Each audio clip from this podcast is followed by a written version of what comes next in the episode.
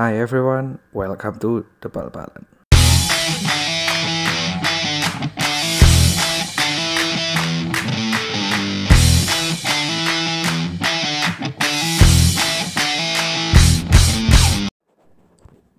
Oke, selamat pagi Bapak. Pagi, pagi. Kita kedatangan tamu spesial nih.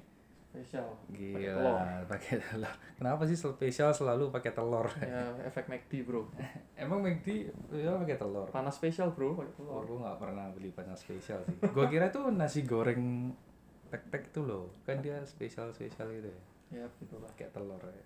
Kenapa spesial nggak pakai yang lain gitu ya? ya telur emang Telur lebih lebih murah, ya? murah dan enak. Iya hari ini kedatangan Bapak John yang episode kemarin sudah join. Tapi hari ini kita berdua aja ya, karena yang satunya yang satunya ke mana? yang satunya lagi di Jepang. Lagi di Jepang, gokil Bapak Alvin ini memang bisnismen memang ya. CEO CEO Jepang susah lah. beda beda. Lagi anget-anget di Jepang ya? Kiki Mochi. Oke. anget-anget. Ini musim apa sih? Anget-anget Eh, kan? spring kayaknya. Masih, masih semeriwing lah. Habis spring apa? Habis spring baru summer oh iya ya benar berarti anget-anget bener ya jangan anget-anget yang lain ya, ya pikirannya jangan melenceng. aneh-aneh iya. Semoga nanti episode berikutnya bisa balik yo bisa join gitu.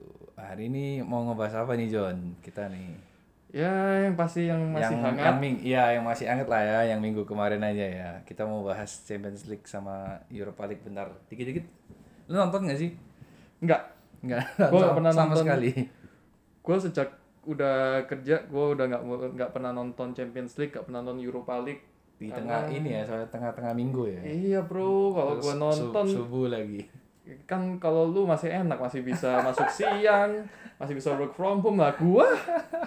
Emang lu nggak bisa? Nggak bisa, bisa lah bisa lah. Gua jam kerja gua kan 8 to 5 udah fix. Kalau eh. masuk Eight to nonton. five. tu- tidur Was- gua. wassalam ya.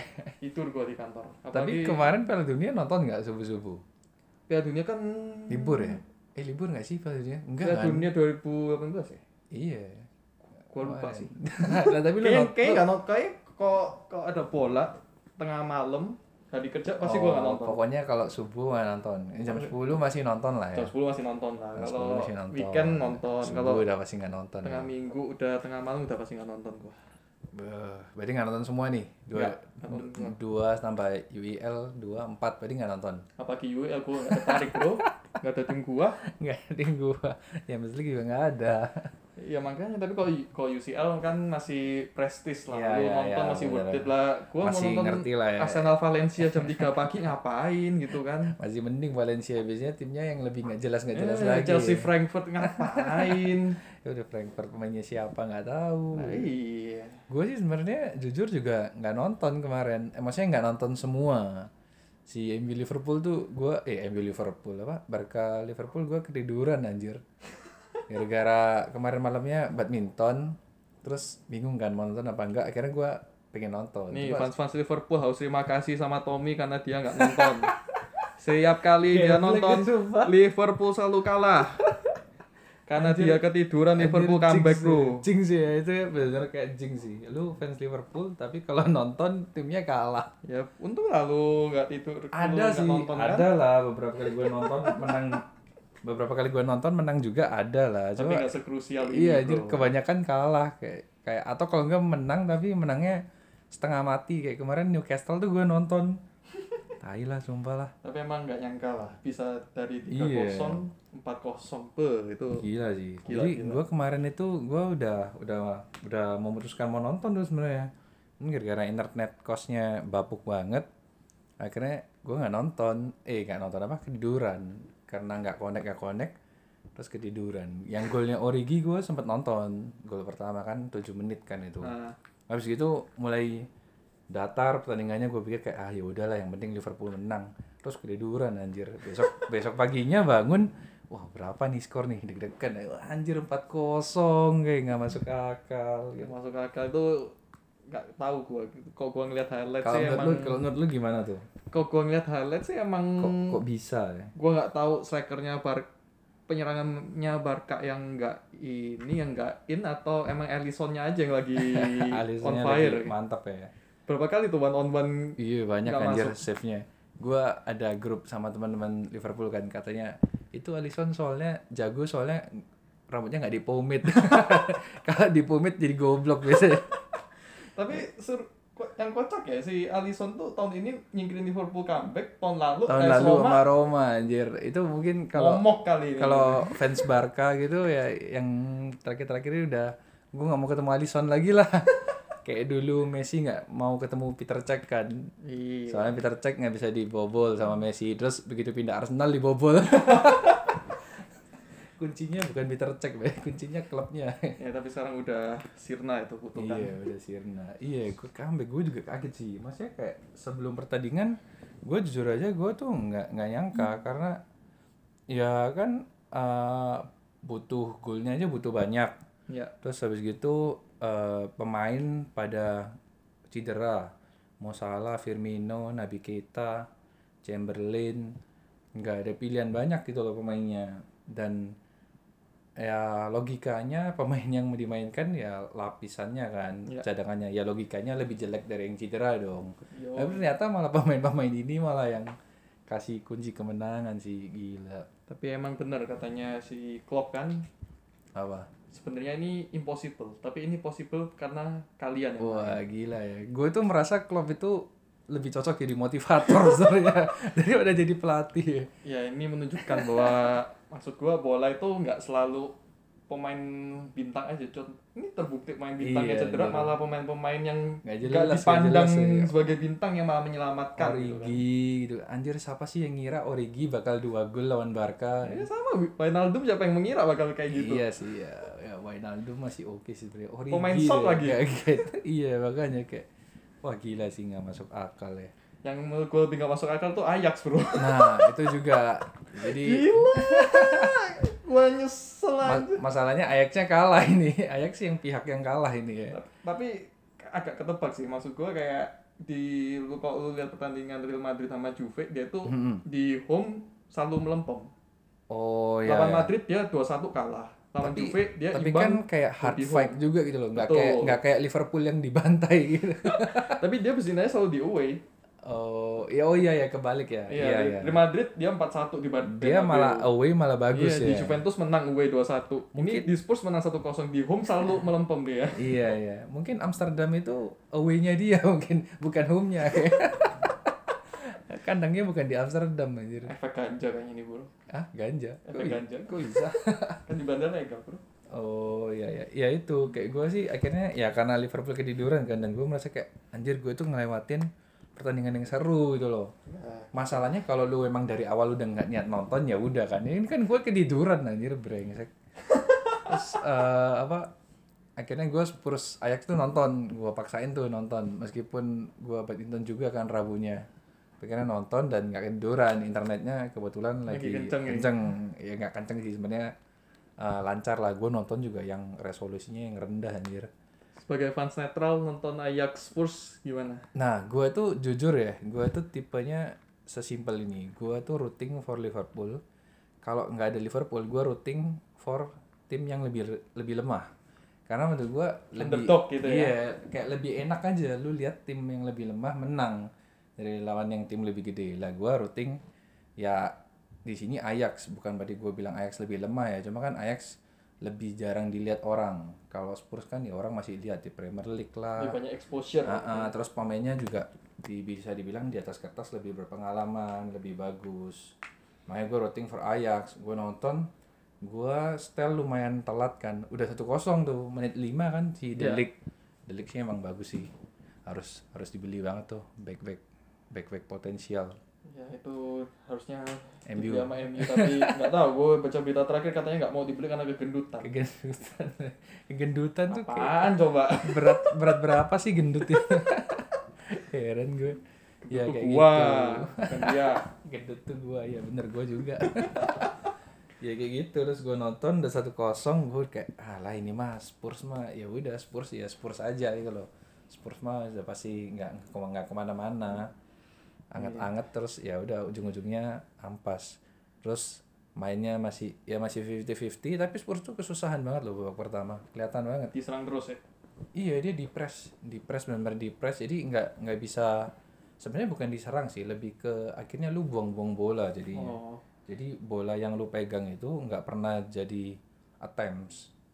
Akhirnya nggak ada serangan berarti sama sekali malah Ajax ngegolin lagi si Hakim Ziyech. Hakim Ziyech juga bagus sih menurut gua Ya pemain pemain Masih Ajax kan emang Iya, gua- biasanya produsen pemain-pemain gede Iya, Eropa. Ajax terus apa Monaco terus Benfica gitu tim-tim yang Ya, di- gitulah. bagus terus dipretelin Dibantu sama tim-tim kaya. iya gue kemarin baca ada artikel ini bilang timnya Monaco zamannya Mbappe dan kawan-kawan dulu yang sampai semifinal champion Hmm. itu semua udah kejual tinggal ya adalah beberapa yang masih stay tinggal yang dikit-dikit doang yang tua-tua Sekarang Falcao udah nggak di mana Monaco ya? Oh, Fal- Falcao masih Falcao Oh, masih karena tapi Ya. dia sempat pergi ya, balik Ah, lagi ya. mostly mostly lah nggak semua lah mostly kejual dan itu harga jualnya sampai 600 juta men total lu Siapa ya Bernardo lu Silva, jual Mbappe. 10 pemain 9 pemain dapat 600 juta anjir iya Mbappe Mbappe aja udah 100 lebih kan Iya, Mbappe Bernardo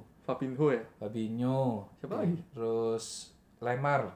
Lemar. Oh, Lemar udah Mendy. nggak terlalu tinggi. Oh, Mendy ya bener Oh Mendy. banyak banget sumpah itu pemain gila sih itu. Ya kayaknya Ajax ini bakal jadi Monaco 2 ini itu sumpah bakal kejual semua tuh De Ligt lah Van de Beek lah Iya, tapi kok dulu kok dari dulu sih setahu gua. Ajax itu memang produsen pemain gede. Hmm. Cuma biasanya striker. ya ini semua ya Ini sekarang semuanya bagus ya. sekarang. Ada midfielder, ada Iya, defender. Tagliafico juga oke Belum kiper aja.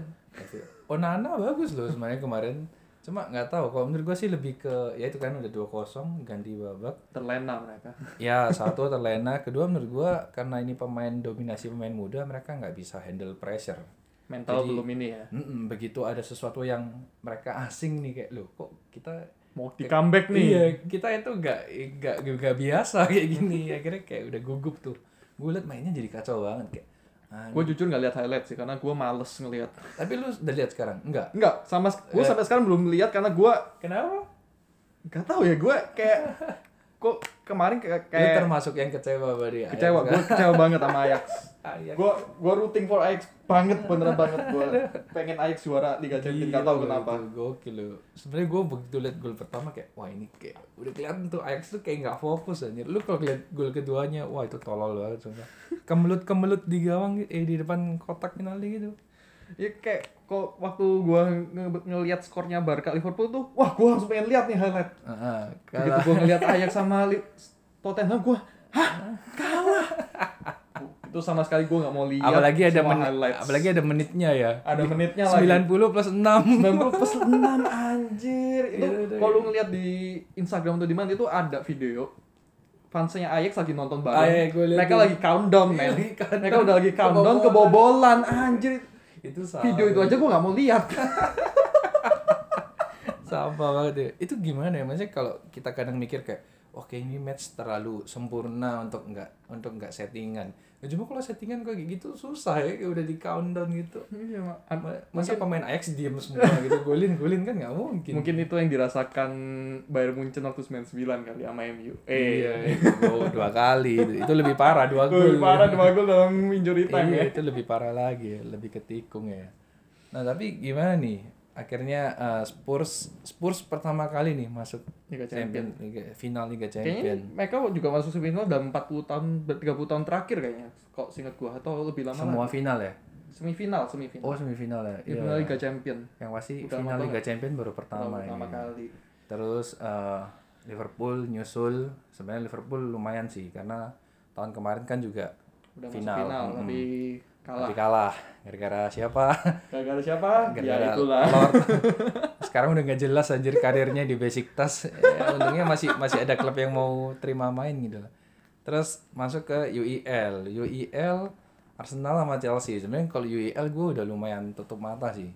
Karena begitu gue lihat Arsenal menang lawan Napoli, terus gue lihat sisa timnya, kayaknya nggak ada yang terlalu mengancam gitu loh. ya udah Eintracht Frankfurt Mm-mm. sama Valencia Frankfurt- Eintracht Frankfurt mungkin Valencia tapi tapi begitu ngeliat leg pertama udah gitu Iya makanya dan gue sebenarnya lihat Arsenal begitu ngalahin Napoli gue udah lihat kayaknya nih tim emang sengaja untuk fokus ke UEL. Jadi kayak makanya Premier League-nya kayak dilepas itulah. Premier League dilepas tapi masuk masuk Eropa bro Nih. Curhat aja. curhat tuh Curhat aja. Lu peringkat 6 masuk ke Eropa kan? nah ini ini yang gue bingung nih sekarang kan ada kan Liga Inggris tuh dapat 4 tim Heeh, dapat Champions. 4 tim kan untuk Champions League terus Ha-ha. sampai peringkat 6 itu ada eh sampai peringkat 6 ya ada Eropa Ada Eropa, 6 masuk Eropa. Ya, gua, gua gak puas sama Eropa Li- sih. lima. Anyway, anyway gini. yang gua gak ngerti kan juga selain MCT kan udah pasti dapat satu slot. Heeh. Terus kan Liverpool sama Tottenham udah dapat slot. Heeh. Kan salah satu menang.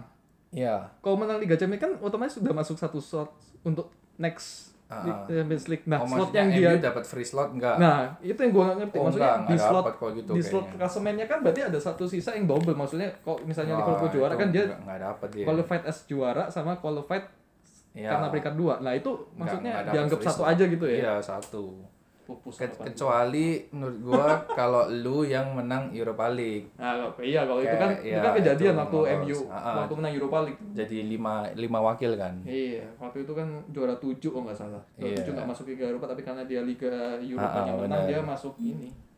Iya nggak dapet nggak dapet free slot bro jangan ngarepin free slot kamu. Ngarap, ngarap kan boleh, Bro. ya itu akhirnya ya udah setelah gue liat kayak gitu Arsenal Arsenal lawan Napoli-nya Don Carlo aja menang ya menurut gue Valencia bukan ancaman dan beneran menang dua leg kan. Chelsea justru yang bahkan kesulitan lawan Frankfurt. batuk-batuk iya, mana. kayak gak ngerti juga dong. Apakah Frankfurt yang sebagus itu apa Chelsea-nya yang memang kurang bagus ya? gue jujur nggak lihat highlights Europa League sih karena gue tertarik jadi gue nggak nggak ngerti dah. Ya gua gua sih nonton cuma buat ini aja lengkap aja. Tapi but anyway akhirnya final Champions, final Europa League empat-empatnya klub Inggris. For the first time dalam sepanjang sejarah sepak bola itu satu liga menguasain Eropa. Gimana lo? Pendapat lo gimana lo? Dapat gua Ya, menurut gua ini adalah pembuktian bahwa IPL liga terbaik di dunia. Wah itu tuh kemarin gua sempat sentil-sentil dikit tuh ya. sentil-sentil di story. Gue belum lihat sih pollingnya berapa kemarin lupa ngecek. Tapi eh gue tanya kayak ini tuh gimana nih pendapatnya? Apakah sudah qualified untuk dibilang eh, best league in the world? Karena kan ya pasti untuk yang fans yang timnya nggak di Premier League pasti nggak setuju dong. Tapi maksudnya kalau mau bilang secara generik, apakah maksudnya secara data ya? Apakah memang layak kalau menurut lu? Ya tapi menurut gua ini sih udah BTW itu empat tim merajari Eropa nggak ada klub Manchester bro. udah dulu jangan ngomong lah bro. Loh enggak maksud gua maksud gua even Manchester satunya yang segitu bagusnya nggak masuk loh. Manchester satu kalah Manchester City kalah sama siapa sih di Spurs. Oh, sama- oh, sama Spurs. Ya? Iya. iya. Dan itu pun juga wah itu lebih parah dari Ajax kayaknya karena eh, kalah goal away. Ya Ajax juga kalah goal away sih, tapi si Kayak nggak ada City itu perlawanan gitu ya. Enggak, City itu ngegolin menit 90 plus 5 apa 90 plus 3. Tapi digagalin karena apa? Nggak dianggap sama VAR. Oh, itu oh, lebih iya, iya, lebih iya, ngenes iya, lagi iya, itu iya, kayak iya. wah anjir kayak kayak Ingat, ingat, ingat. ini apa ada offside si itu Sterling ya? Mm-mm, si Gol Ague, si Aguero-nya offside. Kayak wah itu lebih ngenes lagi. Lebih ngenes sih itu. Itu Iya, si iya, ingat, Gua- gua ingat. Guardiola langsung sujud kayak pegangin botaknya gitu. Wah, anjir. Ya, Iya, tuh, kayak- regardless ada klub MU atau enggak, menurut gue ini ada bukti nyata bahwa IPL emang liga terbaik. Cuma Hmm. Ya gue nyesel aja nggak ada tim Manchester. Meskipun gue nggak nyesel karena Manchester City nggak ada di sana, gue nyesel karena nggak ada MU di sana. Nah, kalau Ya, tapi gue nggak bisa ngomong apa-apa sih karena Ah. MU emang mempem banget musim ini. Oh iya iya iya. Tapi Dan- oh iya Champions League ikut ya musim ini. Iya, cuma Kemarin kalah oh, lawan Barca. Udah ya, oke lah, PSG. Cengli lah. Kalah sama Barca Cengli lah.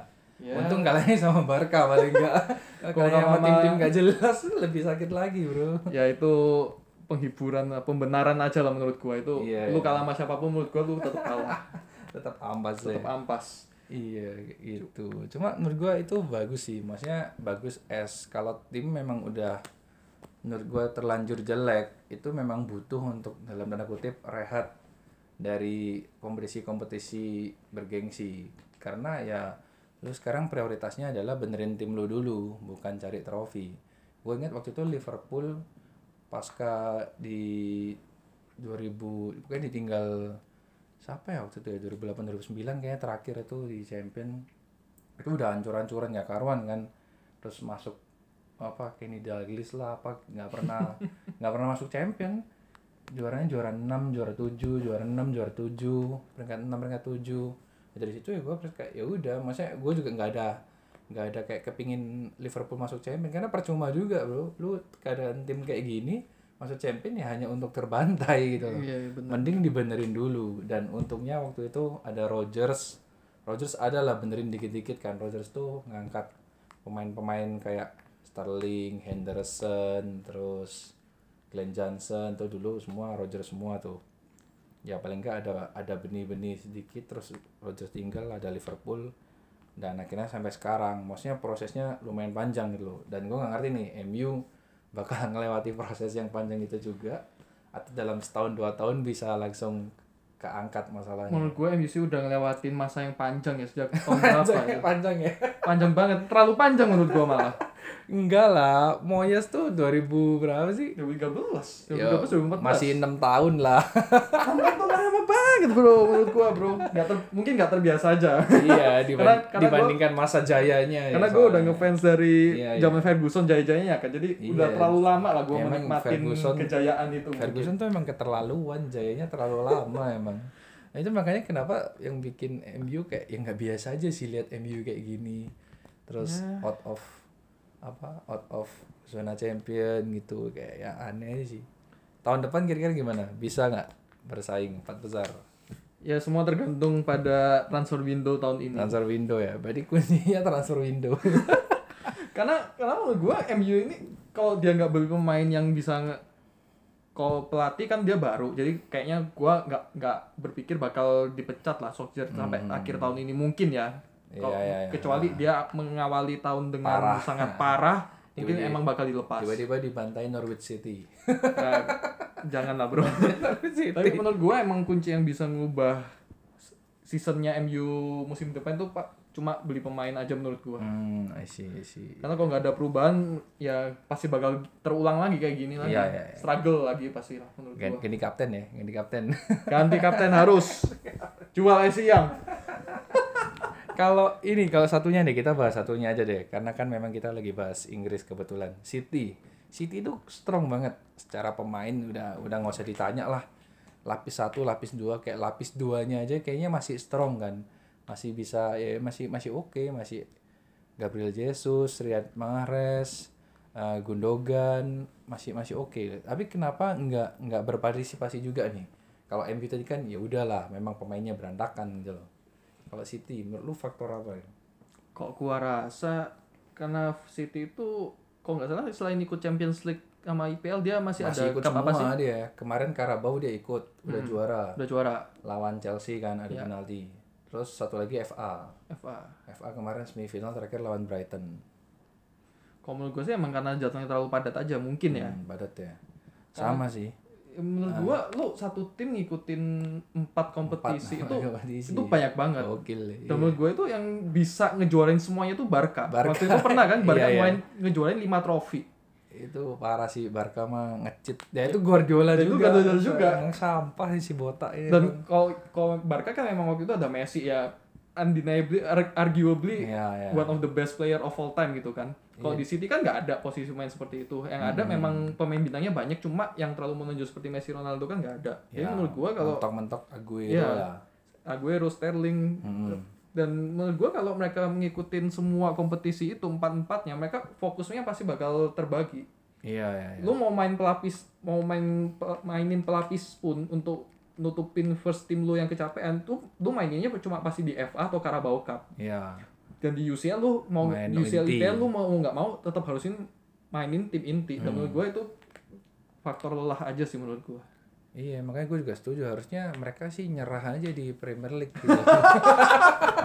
nah kalau itu mata selubung lu bro Kenapa sih? Anjir Premier League mah nggak usah diurusin lah orang justru Piala Liga itu yang tahun ah, lalu kemarin udah juara kan. Loh kan City itu belum pernah juara champion. Lu fokus di champion lah.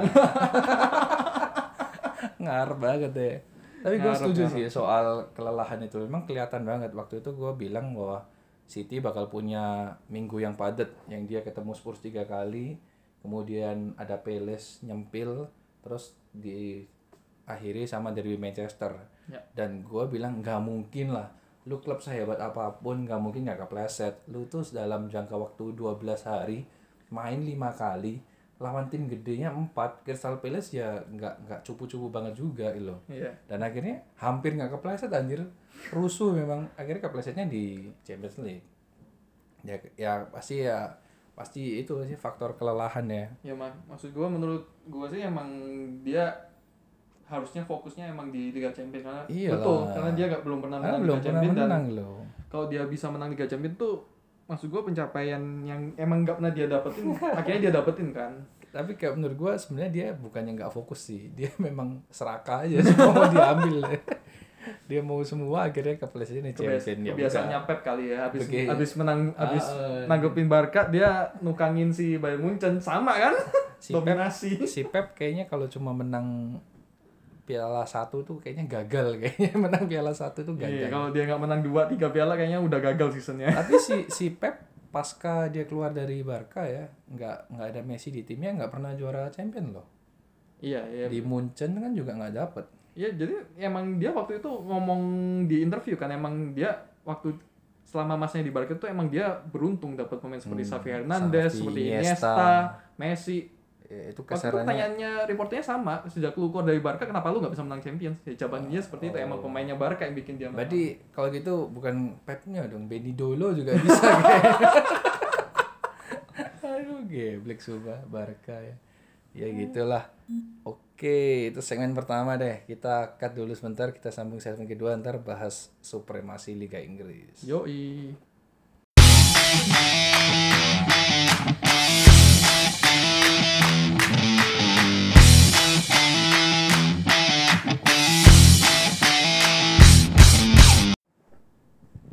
Lanjut segmen 2 segmen 2 nih kita langsung masuk tema ya. Temanya itu sebenarnya nggak tahu ini le- lebay apa enggak. Cuma menurut gua ya worth buat jadi konten aja. Supremasi Liga Inggris. Yoi. karena kan ya udah terbukti. Sudah for the terbukti. first time buat kalian yang tidak setuju ya tunjukkan.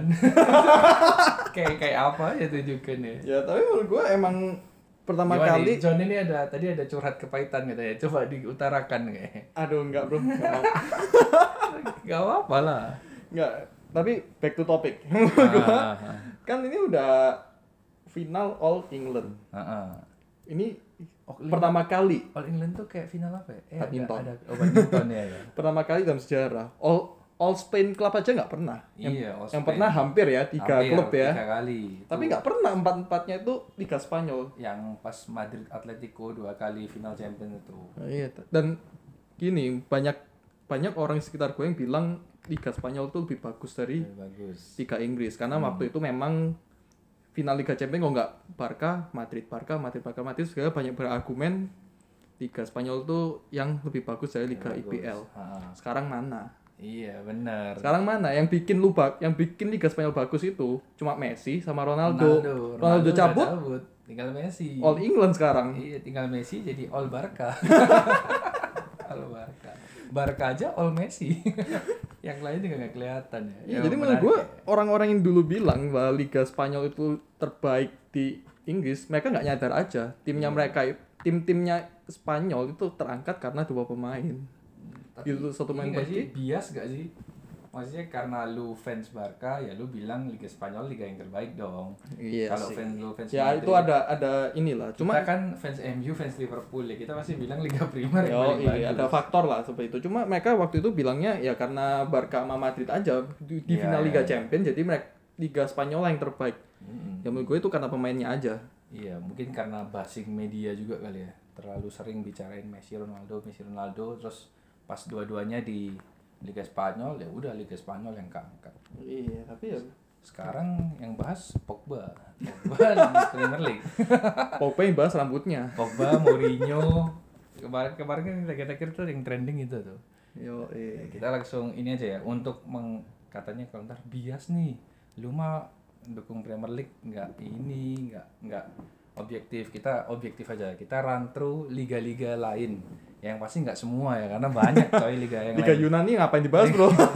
Liga Yunani Olympiakos pan pan apa sih? Ah, Pan, timnya aja nggak Panathinaikos eh Taikos itu loh kayak ya kita bahas yang liga-liga yang gede aja lah kita bahas eh, per level yang dari sebenarnya gede tapi mungkin nggak terlalu nggak terlalu terekspos apalagi di negara-negara Asia mungkin Iya, ya. misal ini dulu deh, Liga Portugal.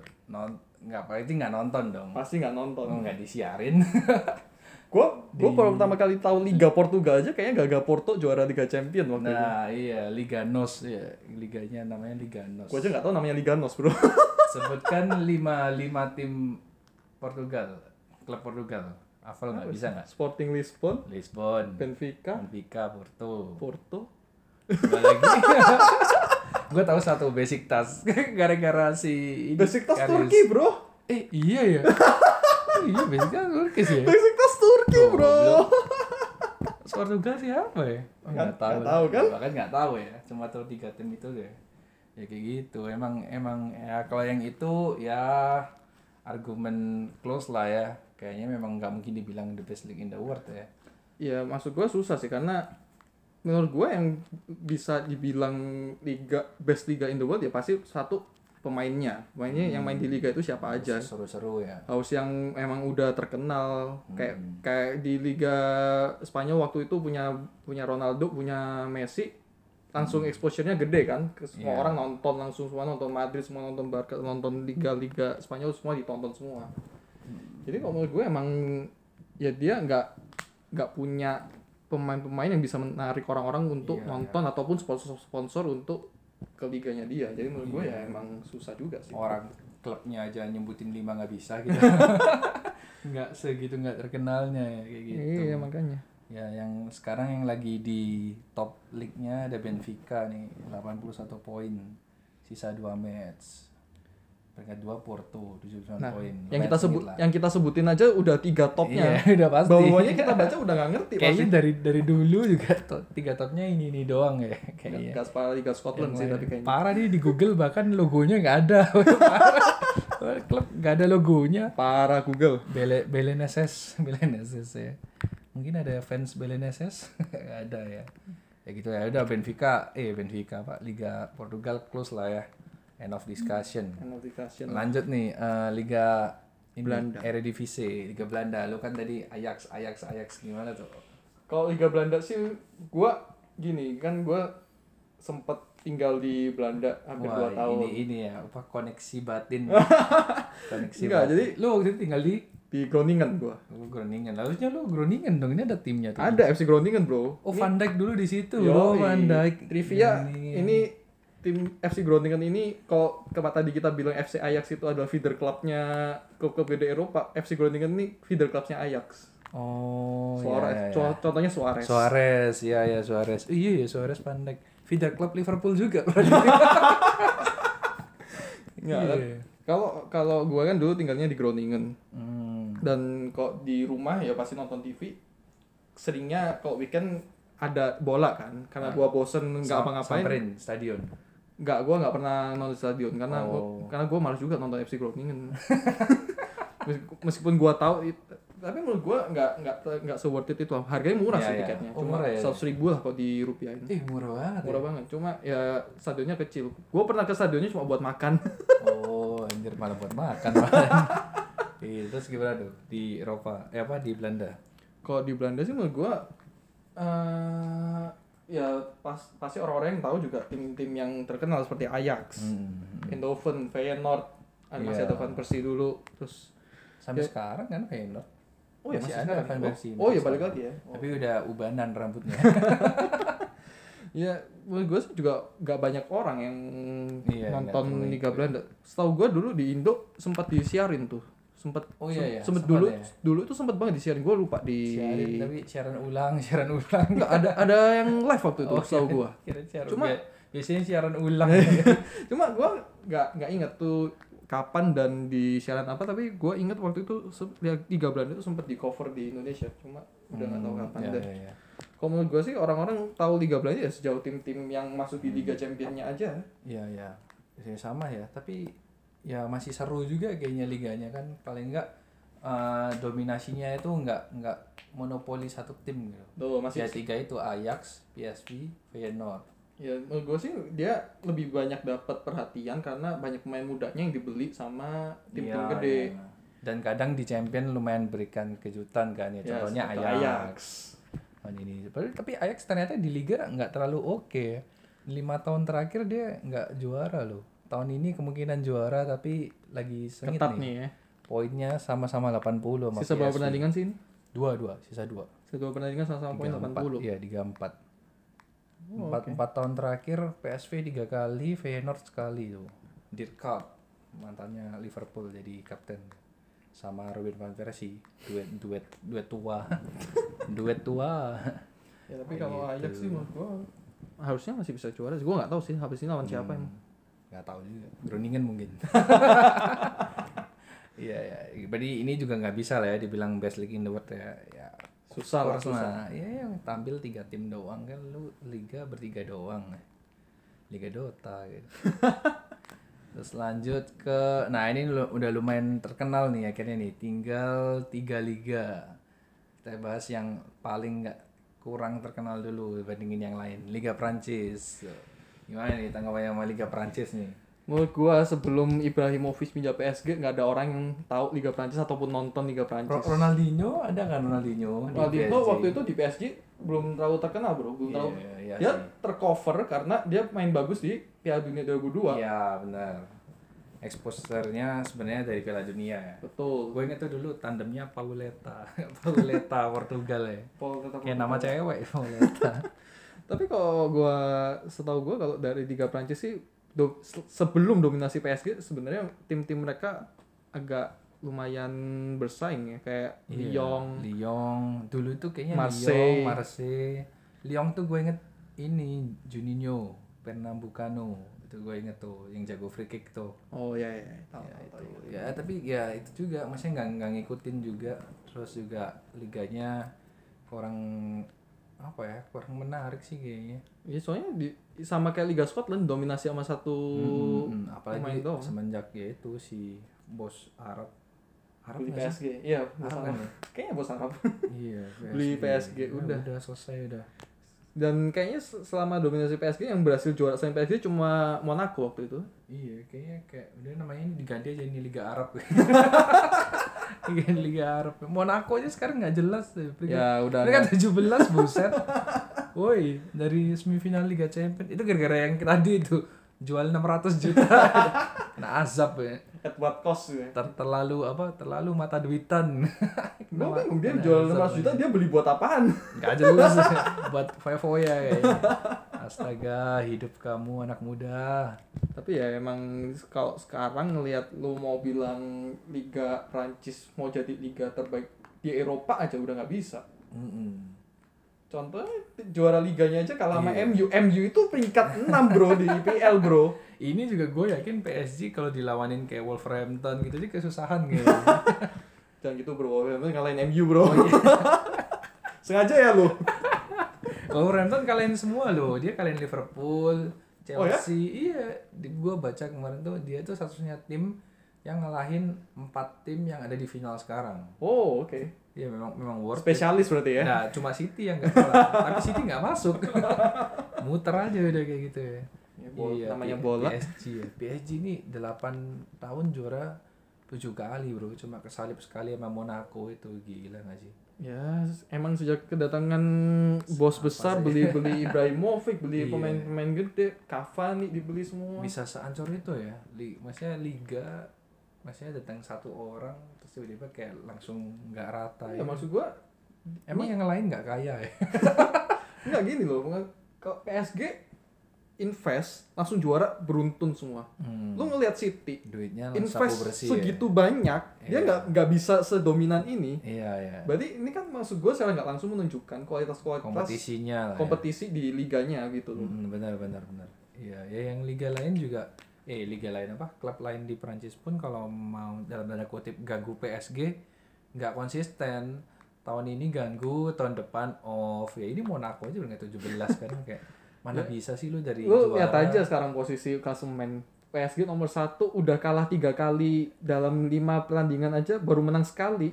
Poinnya 85 juara keduanya baru poinnya belum 69. 70 Beda berapa tuh? 16 poin ya. 16 poin tuh 5 pertandingan lebih. ini di lima pertandingan terakhir PSG baru menang sekali tuh kalah tiga kali imbang sekali Ini ini dia poinnya aja masih jauh ini ini dia sengaja maksudnya kan itu dia udah klaim juara kan terus kalah kalah kalah nggak jelas gitu dia sengaja mau kalian buat apa orang dari Liga Champions iya makanya kan jelas kayak emang. gitu ya ya gini lah Liga Prancis Liga Farmer League ya kalau orang bilang ya Farmers League ya buat ini aja lah ya buat orang di negaranya seneng melihat bola.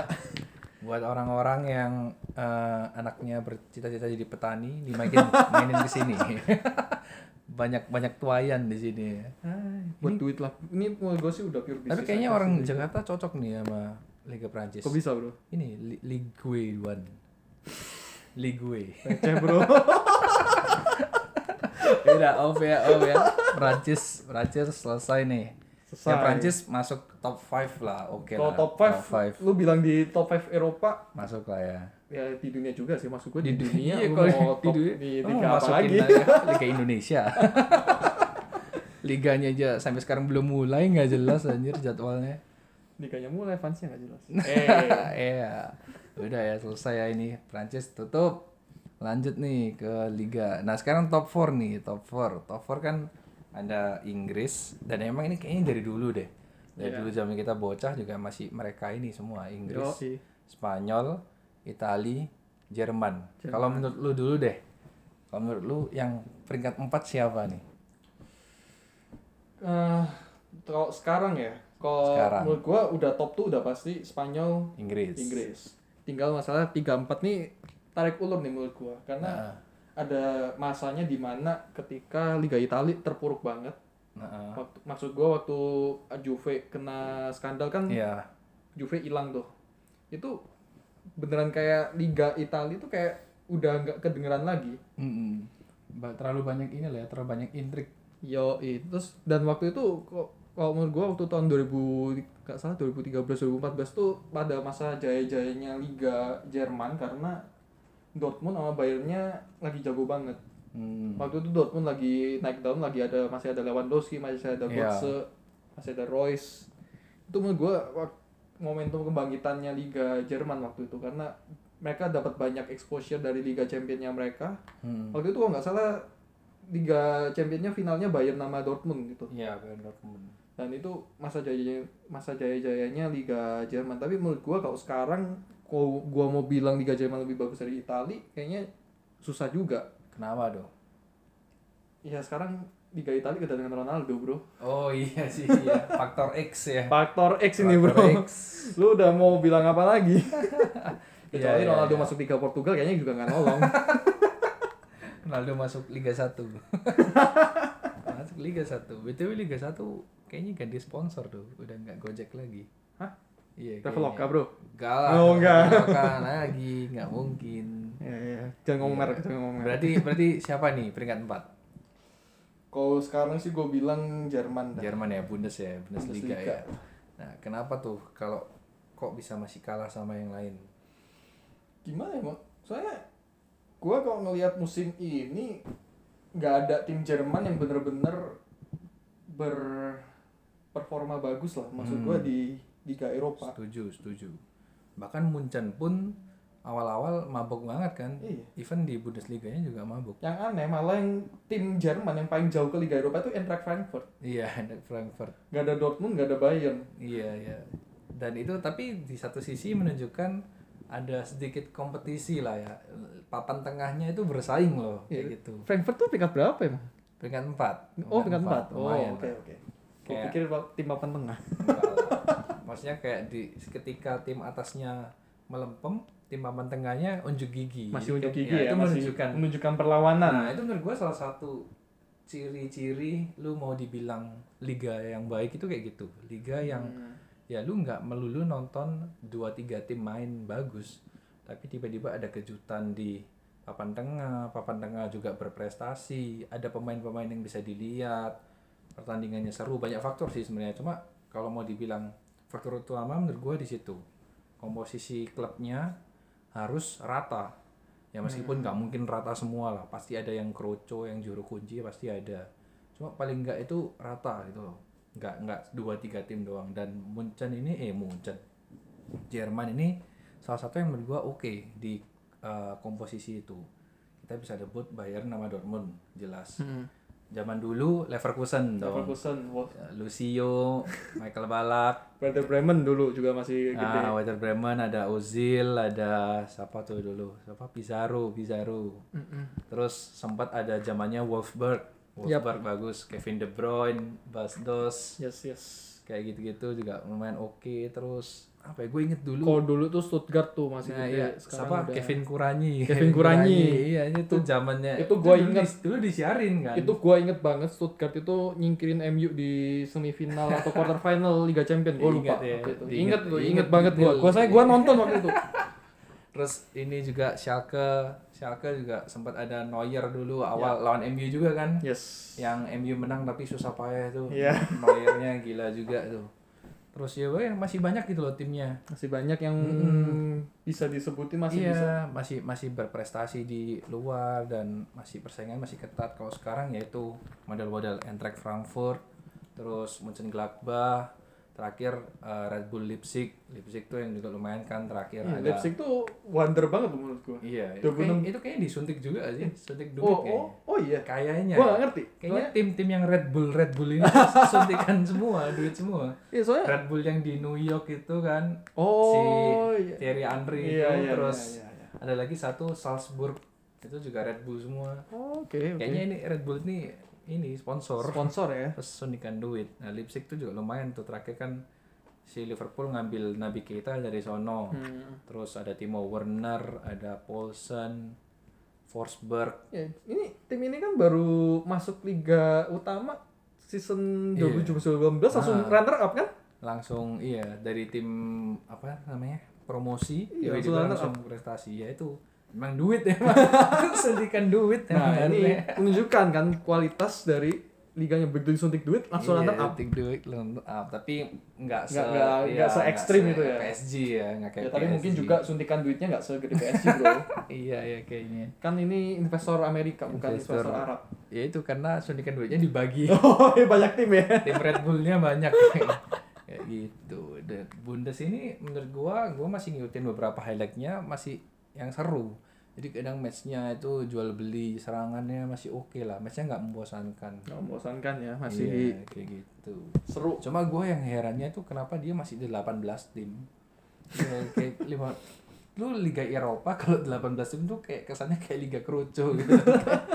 Yang lain 20 tim lu 18 kayak kesannya males banget gitu loh. Mungkin dia masih belum merasa bahwa ada dua tim tambahan yang patut dinaikkan. Tuh dinaikkan ya. Iya ya kayak gitu. Ini serakah sih dia 18 tim tapi slot championsnya 4. serakah. Oh iya, weh. Europanya sampai 6 ya? Iya sama kayak Premier League. Premier League. Kalau ini kan memang ganti-ganti tergantung yang berprestasi memang. Iya sih. Makanya sebenarnya eh, kalau rival satu liga juara itu ya ada untungnya juga buat kita. Slotnya jadi nambah. Tetap aja bro, kalau bukan gua, gua nggak peduli. Eh Bodo amat. Bundes oke lah qualified untuk peringkat 4 ya. Lanjut ke peringkat 3 nih. Ya udah jelas lah ya kita tadi udah mention nih Serie A, Serie Liga A. Italia. Gue sebenarnya seri sama Serie A itu gue yakin kita itu ada kontak batin ya. Iya lah, liga pertama yang kita tonton. Iya, anjir kayak liga yang mempertemukan kita dengan sepak bola gitu loh. Zaman-zamannya Juve, Milan, Inter. Roma, iya. Dan apa ya kayak ya tiap kali nginget-nginget Italia itu yang keinget sebenarnya yang di sono bukan yang sekarang gitu. Ya emang karena seringnya nontonnya waktu itu. Iya, Italia sekarang kayak aduh kayak nggak terlalu apa ya? Tapi itu efek karena mungkin kita pertama kali kita nonton kita nggak Ya, tahu bola itu benar. dimainkan seperti apa. Jadi kita Jadi nonton Liga ya bagus. oh ya ini udah bagus. Mm-mm. Begitu lihat liga yang lebih seru, Iya, ngeliat Liga Italia udah ngantuk bro. iya ngatuk ya Italia dan Italia ini apa ya? Sebenarnya gue suka klubnya itu menurut gue sama kayak Bundes bahkan lebih kayak lebih lebih bersaing lah. Yang pasti kan Juve yang ini bicara dulu dulu ya. Juve, Milan, Inter, Roma. Roma. Kalau sekarang ada Napoli, ada ya beberapa tuh nyempil baru Atalanta, Torino, Lazio termasuk klub lama yang Ya. bersaing kan juga. Tapi selalu stagnan kayaknya dia. Iya, Lazio apa terus ada kayak dulu tuh gue inget beberapa yang oke kayak tim kecil pun punya pemain oke paling enggak satu dua Yes. gitu kan. Ada Udine, Udinese dulu di Natale. Terus bolonya dulu di Vaio. Kayak selalu ada satu Selalu ada pokoknya satu pemain yang menonjol Iya, gitu. Fiorentina tuh dulu siapa ya? Batistuta lah ya. Batistuta itu zaman lama banget. Batistuta, terus Sampdoria itu dulu Wah, udah lupa gua, Bro. gue ingetnya Sampdoria tuh si ini Pak Kurniawan Dwi Yulianto tapi dia nggak main sih sebenarnya. Cuma masuk akademinya doang nih ya kayak gitu. Terus ya kayak keren aja gitu loh Liga Italia itu. Nah cuma gue ada titik balik menurut gue kenapa kayak Liga Italia itu menurut gue ya in uh, di pikiran gue nggak akan pernah jadi liga terbaik. Kenapa nih, Bro? yaitu Calciopoli Yo, ih. jadi kayak ada kejadian di mana settingan satu hasil sepanjang satu tahun liga itu disetting pengaturan skor. Dan itu kayak apa ya? Kayak orang udah dalam tanda kutip udah lost trust. Kayak ah ini, ini liga Udah udah, ilfil ya. iya udah ilfil bener. Udah kayak ini liga udah dalam tanda kutip nggak layak ditonton lagi. Iya. ini ini personal ya tapi ya pendapat personal ya. Karena kayak ya gimana sih lu nonton sepanjang tahun? Ternyata semua itu udah disetting. Kayak nonton sinetron. Mm-mm. ya gue nggak bilang liga lain nggak mungkin di setting ya. Cuma ya kalau lu memang mau busuk ya busuk yang profesional. Jangan ketahuan. Jangan ketahuan. sarannya bego juga. Ya, cuma tapi kalau ketahuan gini kan memang hancur kan. Maksudnya Hancur, akhirnya yang betul. juara ya memang dihukum sih yang juara didegradasi. Cuma kan ya maksudnya ya kita selalu mikir kayak ya nggak mungkin apa nggak menutup kemungkinan ada main lagi nanti ke depannya Betul. dan tiap kali kita lihat itu kayak ke Wah, ini, ini settingan gak nih? Ini ah, ya settingan. ini kayak ah ini ini pasti gini nih ah ini pasti gini nih ah lah lah udah kayak gitulah kayak udah nggak nggak bisa fully menikmati lah kayak gitu sangat disayangkan sih sebenarnya karena itu tadi ini salah satu liga yang menurut gua potensial tapi karena terlalu banyak main sih menurut gua Ini Mafia- sebenarnya mafianya terlalu kental ya. sebenarnya liga ini mirip-mirip sama liga Prancis ya. Beberapa tahun terakhir yang menang selalu tim satu Iya, tim aja. iya. Cuma cuma kan Juve yang membedakan banyak tim yang mengancam iya supremasi satu tim ini. Ah, dan Juve pun maksudnya emang dari dulu Ya. maksudnya bukan gara-gara siapa datang gitu tiba-tiba jadi emang- jago ya, enggak betul, betul. cuma ya, ya gitu kayak aduh udah males dan kalau secara pertandingan Italia kan memang dikenal sebagai klub yang bertahan gitu dan Yap. gua itu ini sekali lagi pendapat personal ya. Nggak suka nonton pertandingan yang boring. Betul, kayak sama. kalau lu cuma long ball long ball dapat free kick dapat Clearing, penalti, clearing. kayak ini pertandingan apa? Terus lu gak tau sih lu nyadar apa enggak gue tuh merasa Liga Italia itu butek banget warnanya. Kayak, kayak kalau di TV tuh nonton kayaknya berkabut gitu foggy banget. Gue gak ngerti sih, itu kalau kalau dulu gue ngeliat, gue pikir TV gue yang rusak. Mama di TV mah kenapa burak kagak ini nggak burak boy oh, emang kayak- siarannya ya berarti ya? iya kayaknya ya. Terus juga kayak kayak mungkin fansnya juga kali ya. Kalau di Liga Inggris kan lu nggak boleh bawa flare Ya, ke dalam eh, stadion waktu nonton. Sedangkan di sana kan boleh. Kayak bebas aja mungkin kayak flare-nya tidak ramah lingkungan. Dan menurut gue yang hold hold mereka back itu fansnya mereka sendiri. iya fansnya juga rusuh kan kayak aduh Udah rusuh, masalahnya rasis. Nah itu rasisnya juga ampun-ampun sampai sekarang ya Kalau yang dulu yang baru yang kasusnya baru-baru gede ini kan si ini Miskin. Mois Moiskin kan. miskin sobat miskin itu Iya. itu bahkan ada anggota Juve yang Iya. yang nggak ngebela dia. itu sih itu gue tuh sampah banget. goblok sih itu Itu gue sama banget. Itu temen lu jir. terus nggak be nggak nggak beda hari dalam 24 jam ngeper nggak nggak maksud gue gini ya udah Bodo amat tuh. terlanjur ya. Iya. Kata-kata yang pertama itu adalah kata-kata sering yang sih bener. sering sih Balotelli kan juga masuk Iya. timnas masuk timnas loh padahal ngalahin Jerman Timnya Iya, sendiri. loh. ngalahin Jerman bawa lu ke final Euro dicerca gara-gara cuma ini ya ya gitulah Italia terus juga Italia ini ini loh apa sih gue nggak sukanya klubnya masih nggak punya stadion sendiri Hah? masih bagi-bagi stadion kan beberapa klub kayak masih bagi-bagi stadion tuh Roma sama Lazio maksudnya sa- satu kandang satu stadion dibagi iya San Siro Berbagi gitu ya. Hmm, San Siro kan juga gitu jadi kayak Yang gue tahu San Siro doang. Roma juga Oh, terus gitu? eh, kayaknya Juve itu dulu juga terus akhirnya tapi Juve bikin sendiri kan Iya. ini kayak lah kok liga segede ini klubnya masih miskin nggak punya stadion gitu loh gila kan ya kayak gitulah liga Italia nggak tahu nih CR masuk bisa ngangkat nggak cuma gue sih Ya maksud bisa. momentum CR masuk sih pasti bawa perubahan. Iya, Cuma bawa. menurut gua CR udah terlalu masalahnya CR-nya ke Juve sama aja heran menurut gua CR juga udah terlalu berumur lah untuk membawa perubahan yang sangat besar pada satu Iya, liga iya, gitu loh. bener, udah bener. bu- udah bukan zamannya lagi kalau waktu itu dia pindah ke Madrid dia langsung instant impact gitu kan ke liganya. Hmm, iya, setuju, Langsung setuju, mengangkat setuju. lah meskipun emang yang tim yang dia pindah udah Real Madrid tapi pasti endorsement Iya, sponsor pasti udah langsung benar. mengalir ke itu. lanjut nih ya udah ya Itali peringkat tiga lah ya oke lah Yoi. peringkat tiga lalu peringkat dua nih peringkat dua ada La Liga BBFA eh BBVA Spanyol Spanyol udah Nah, nomor dua lah pasti ini. ada dendam, bias ya, bias ya. dendam ke Sumat ya Enggak, maksud gua gini loh. Gua orang yang beranggapan bahwa Liga BBF ada liga terbaik di dunia itu personal ya. Opini Iya, gua, iya. opini gua pure opini gua. Gua bukan pundit yang pundit yang Pundit- berpengalaman atau segala macam. pundit uang Menurut gua mereka itu lupa bahwa ada dua pemain terbaik di dunia yang main di liga itu yang menyebabkan liga itu Ah, Ba- kelihatan bagus. bagus padahal ya yang bersaing cuma tiga tim. iya benar setuju Cuma Barcelona, Atletico, Madrid Sama udah Madrid. iya iya simpang siur tiga tim itu aja udah berubah susunannya dominasinya terlalu kental sih menurut terlalu gua. kental menurut gua iya Iya. betul Sebenarnya Liga Spanyol ini kalau dibandingin sama yang tadi ya Italia sama Bundes sebenarnya mirip-mirip. Liga-liga apa klub-klub papan tengahnya itu mampu bersaing. Kayak contohnya Sevilla, Valencia, terus eh, Sociedad, terus eh, Bilbao. Ada masanya lah mereka ada masanya. Valen- waktu kayaknya Valencia kita- terutama Nah, kan Valencia tuh gue inget tuh dulu. Juan Mata, David Villa, David Silva, Pablo Aymar. Pablo Aymar terus siapa lagi tuh? Jordi Alba semua kan dari sono. Sevilla juga. Maksudnya kemarin juga dipegang Unai Emery masih berprestasi di uh, Europa League. Cuma ya itu lagi menurut gua perbedaannya terlalu jomplang sih. Ya. Barca Madridnya memang bagus dan bagus banget sedangkan uh, Atletico ya akhir-akhir aja kan baru masuk tuh. Betul. Dan itu jadiin liganya jadi nggak sehat.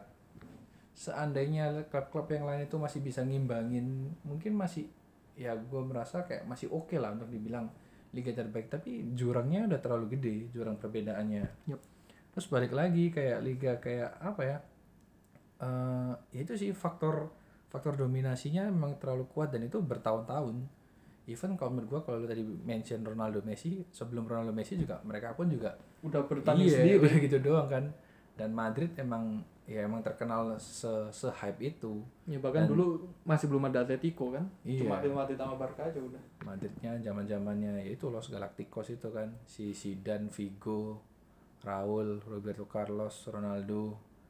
Barkanya waktu itu siapa? Puyol siapa lagi ya Frank Rijkaard ya Rijkaard Iya ya udah gitu. Overmars. Heeh, Overmars. Saviola, Saviola. Saviola iya kayak maksudnya kayak emang udah dari dulu kayak mungkin sebenarnya oke, cuma karena dua tim tiga tim ini terlalu jauh bedanya jadi kayak oh jadi kayaknya nggak sehat dan memang benar kan dominasinya yang menang itu itu mulu Ya. nggak nggak seru kayak gitu ya atau yang menurut gue sih eh, tapi kalau memang mau dibandingin sama Premier League emang yang paling dekat sih ini si Liga Spanyol potentially untuk menggulingkan. Ya ya mungkin kalau mau dibilang oh bisa nggak dominasi Inggris digulingkan? Ya bisa Spanyol ini yang gulingin.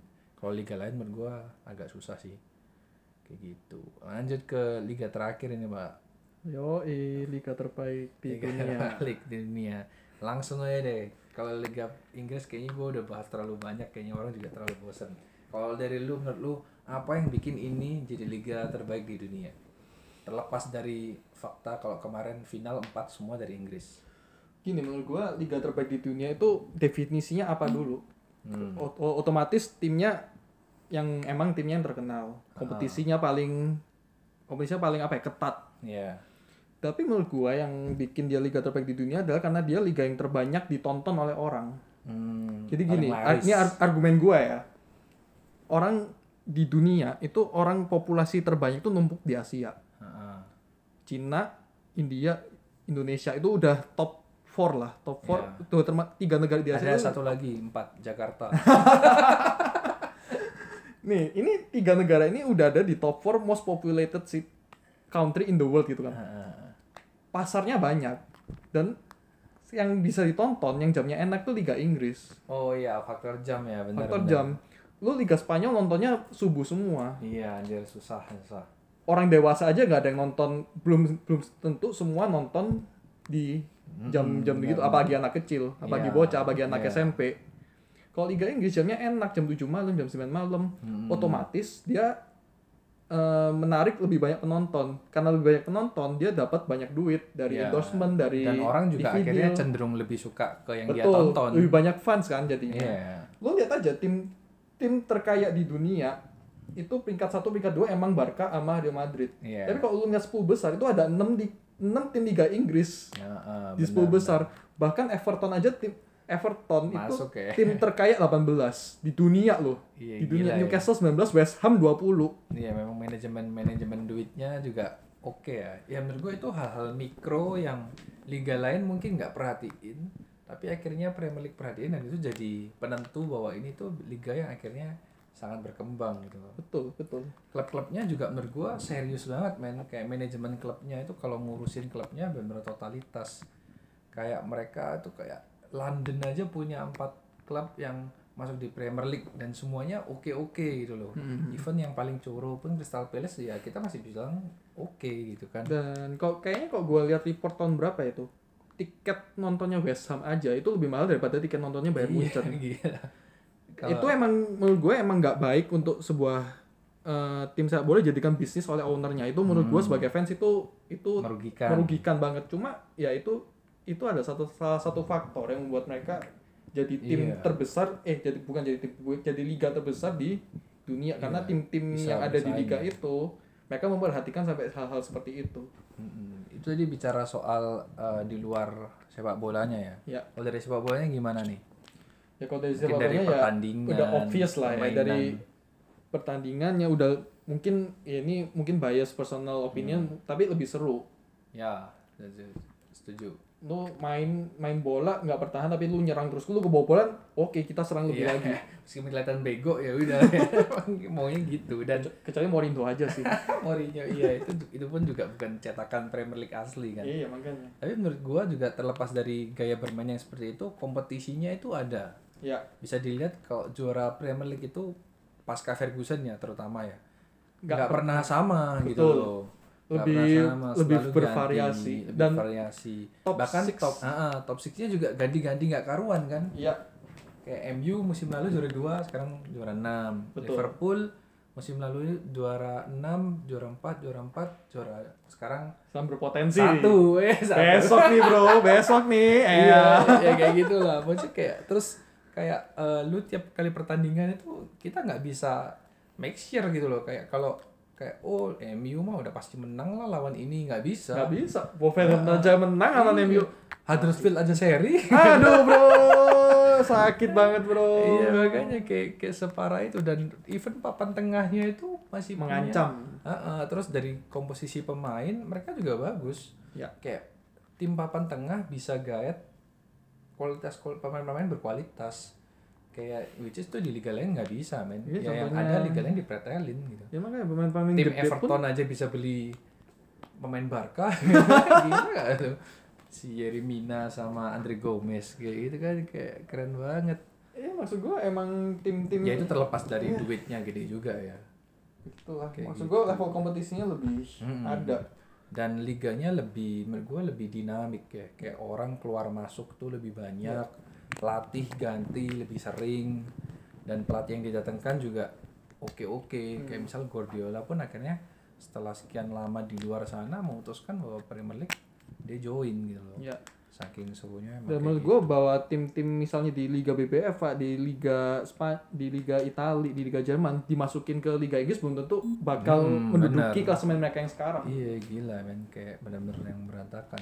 Terus dari uh, schedule juga kalau gua kalau gue ini selalu jadiin gua bukan alasan sih ini jadi menurut gua bahan untuk pembelaan kalau orang bilang kenapa kalau Liga Inggris bagus terus mereka nggak pernah berprestasi di Eropa gue selalu bilang jadwal jadwalnya Liga Inggris tuh berantakan Paling jahat menurut gue. Mm-mm, mainnya paling banyak, cupnya dua, ya beberapa liga juga ada yang cupnya dua. Cuma kan timnya nggak sebanyak ini. Terus mereka ada boxing di kayak gitu loh. Ya. Kalau lu nyadar yang liga yang main di, tahun baru sama Iya. sehari setelah Natal tuh kayaknya cuma Premier Cuma League. Premier League dan itu mainnya di yang dingin-dingin gak karuan gitu kan. Kayak bener-bener kayak ini tuh bener-bener mungkin karena ya Inggris itu identik banget sama sepak bola kan, sama Ya. soccer. Jadi mereka bener kayak menghidupin banget gitu loh. Yes, yes. Kayak gitu. Wah, ini ya valid lah ya kita bilang. Valid lah, valid lah. Bias kayaknya. kalau kalau ada yang merasa nggak nggak valid nggak valid. Ya boleh deh datang kita ngobrol. Kenapa liga yang lain bisa lebih keren? Kan kita pengen tahu juga. Siapa tahu kita belum tahu. Kan? Ya, soalnya komposisi pembicara di podcast ini semua nontonnya Premier Iya, League. butuh teman baru butuh teman baru. Nggak ada penonton liga lain nih. oke deh langsung kita closing ke segmen terakhir aja. Karena kita lagi bahas supremasi Liga Inggris kita bilang kita bakal pilih kesebelasan top 11 Premier League all the time yang kita tonton. Oke. Nggak mungkin yang jadul-jadul ya, kita nggak ngerti. Jadi Oke. kan John mungkin belum pernah ya, yang pernah Alvin. Sistemnya gampang. Langsung aja pilih gantian, tapi pokoknya harus kepilih 11 orang yang formasinya wajar. Nggak boleh striker semua, nggak boleh. Kalau itu nentuin aja dulu formasinya. Nggak usah, Nggak usah. pilih aja. Pilih aja. Iya. Oh, Oke, oke. Pokoknya yang pasti kiper keisi, striker ya yang normal lah kayak gitu. Boleh, Oke, boleh. lu dulu deh. Ayo mulai. Gua ambil yang obvious dulu lah ya. Siapa Cristiano tuh? Ronaldo. Cristiano Ronaldo masuk depan lah ya ini ya. Masuk depan lah paling. Kalau nggak depan ya winger lah ya. Hmm, hmm. Pasti lah ini Kenapa udah tuh Ronaldo? Kasih penjelasan dikit aja. ya obvious choice lah. Obvious ya. Best arguably the best player in the world Ya sampai sekarang sih. sampai sekarang. Pindah-pindah tim juga kayaknya masih oke. Ya Jadi dia pindah ke tim mana pun udah pas pasti dia yang jadi attention number one-nya lah. Hmm, oke Ronaldo. Dan ya, gua ya. Gua ambil favorit gua dulu dong.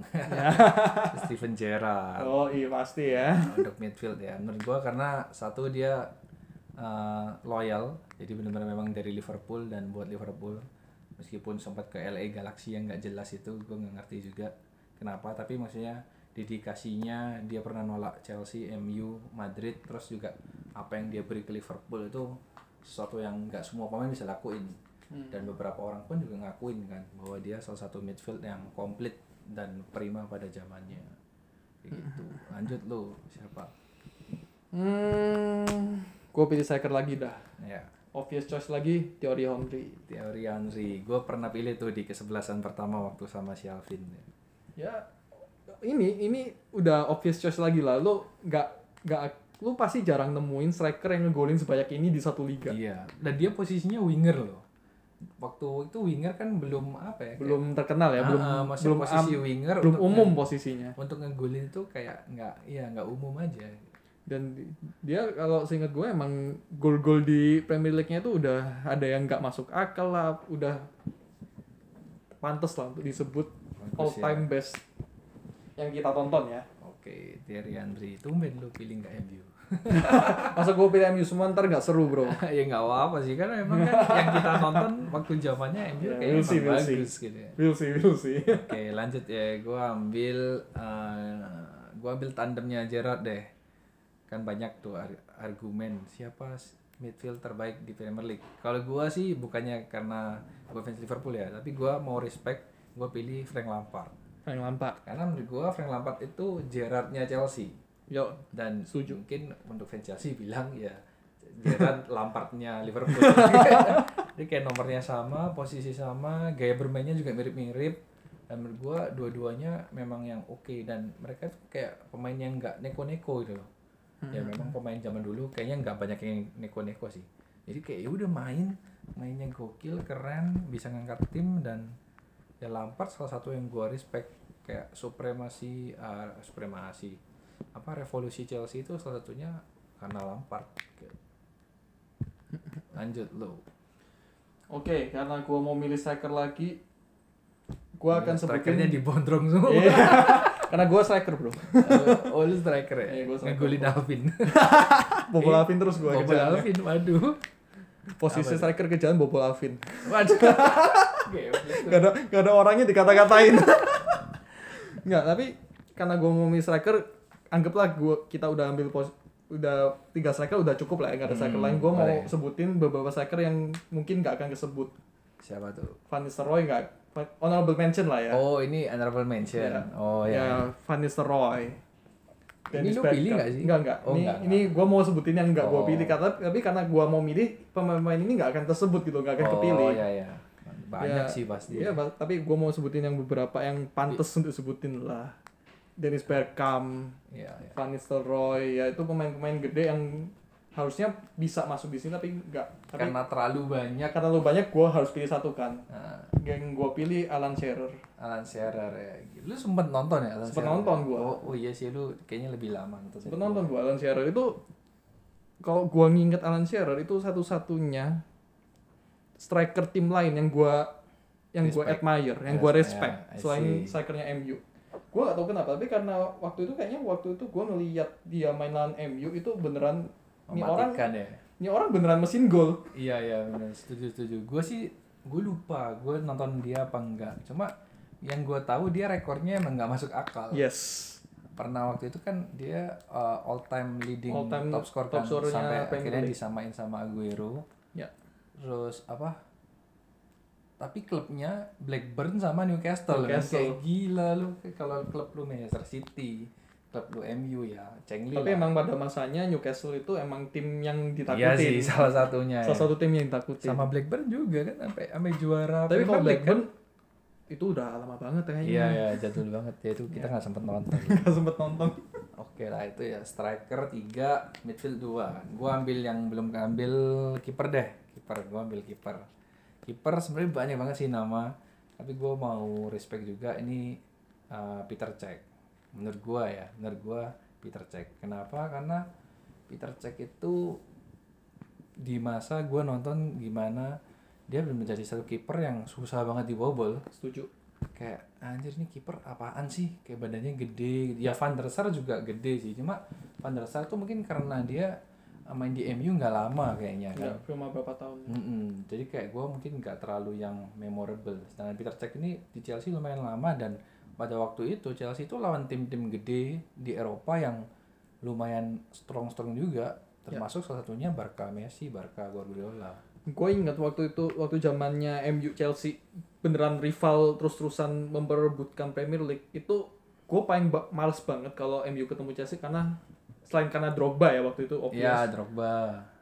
Karena Peter Cech.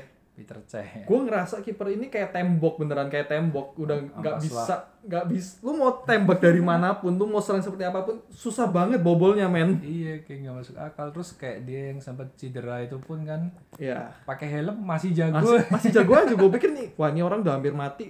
Ini kayaknya Iya, udah bakal menurun nih. Heeh, ternyata. ternyata enggak.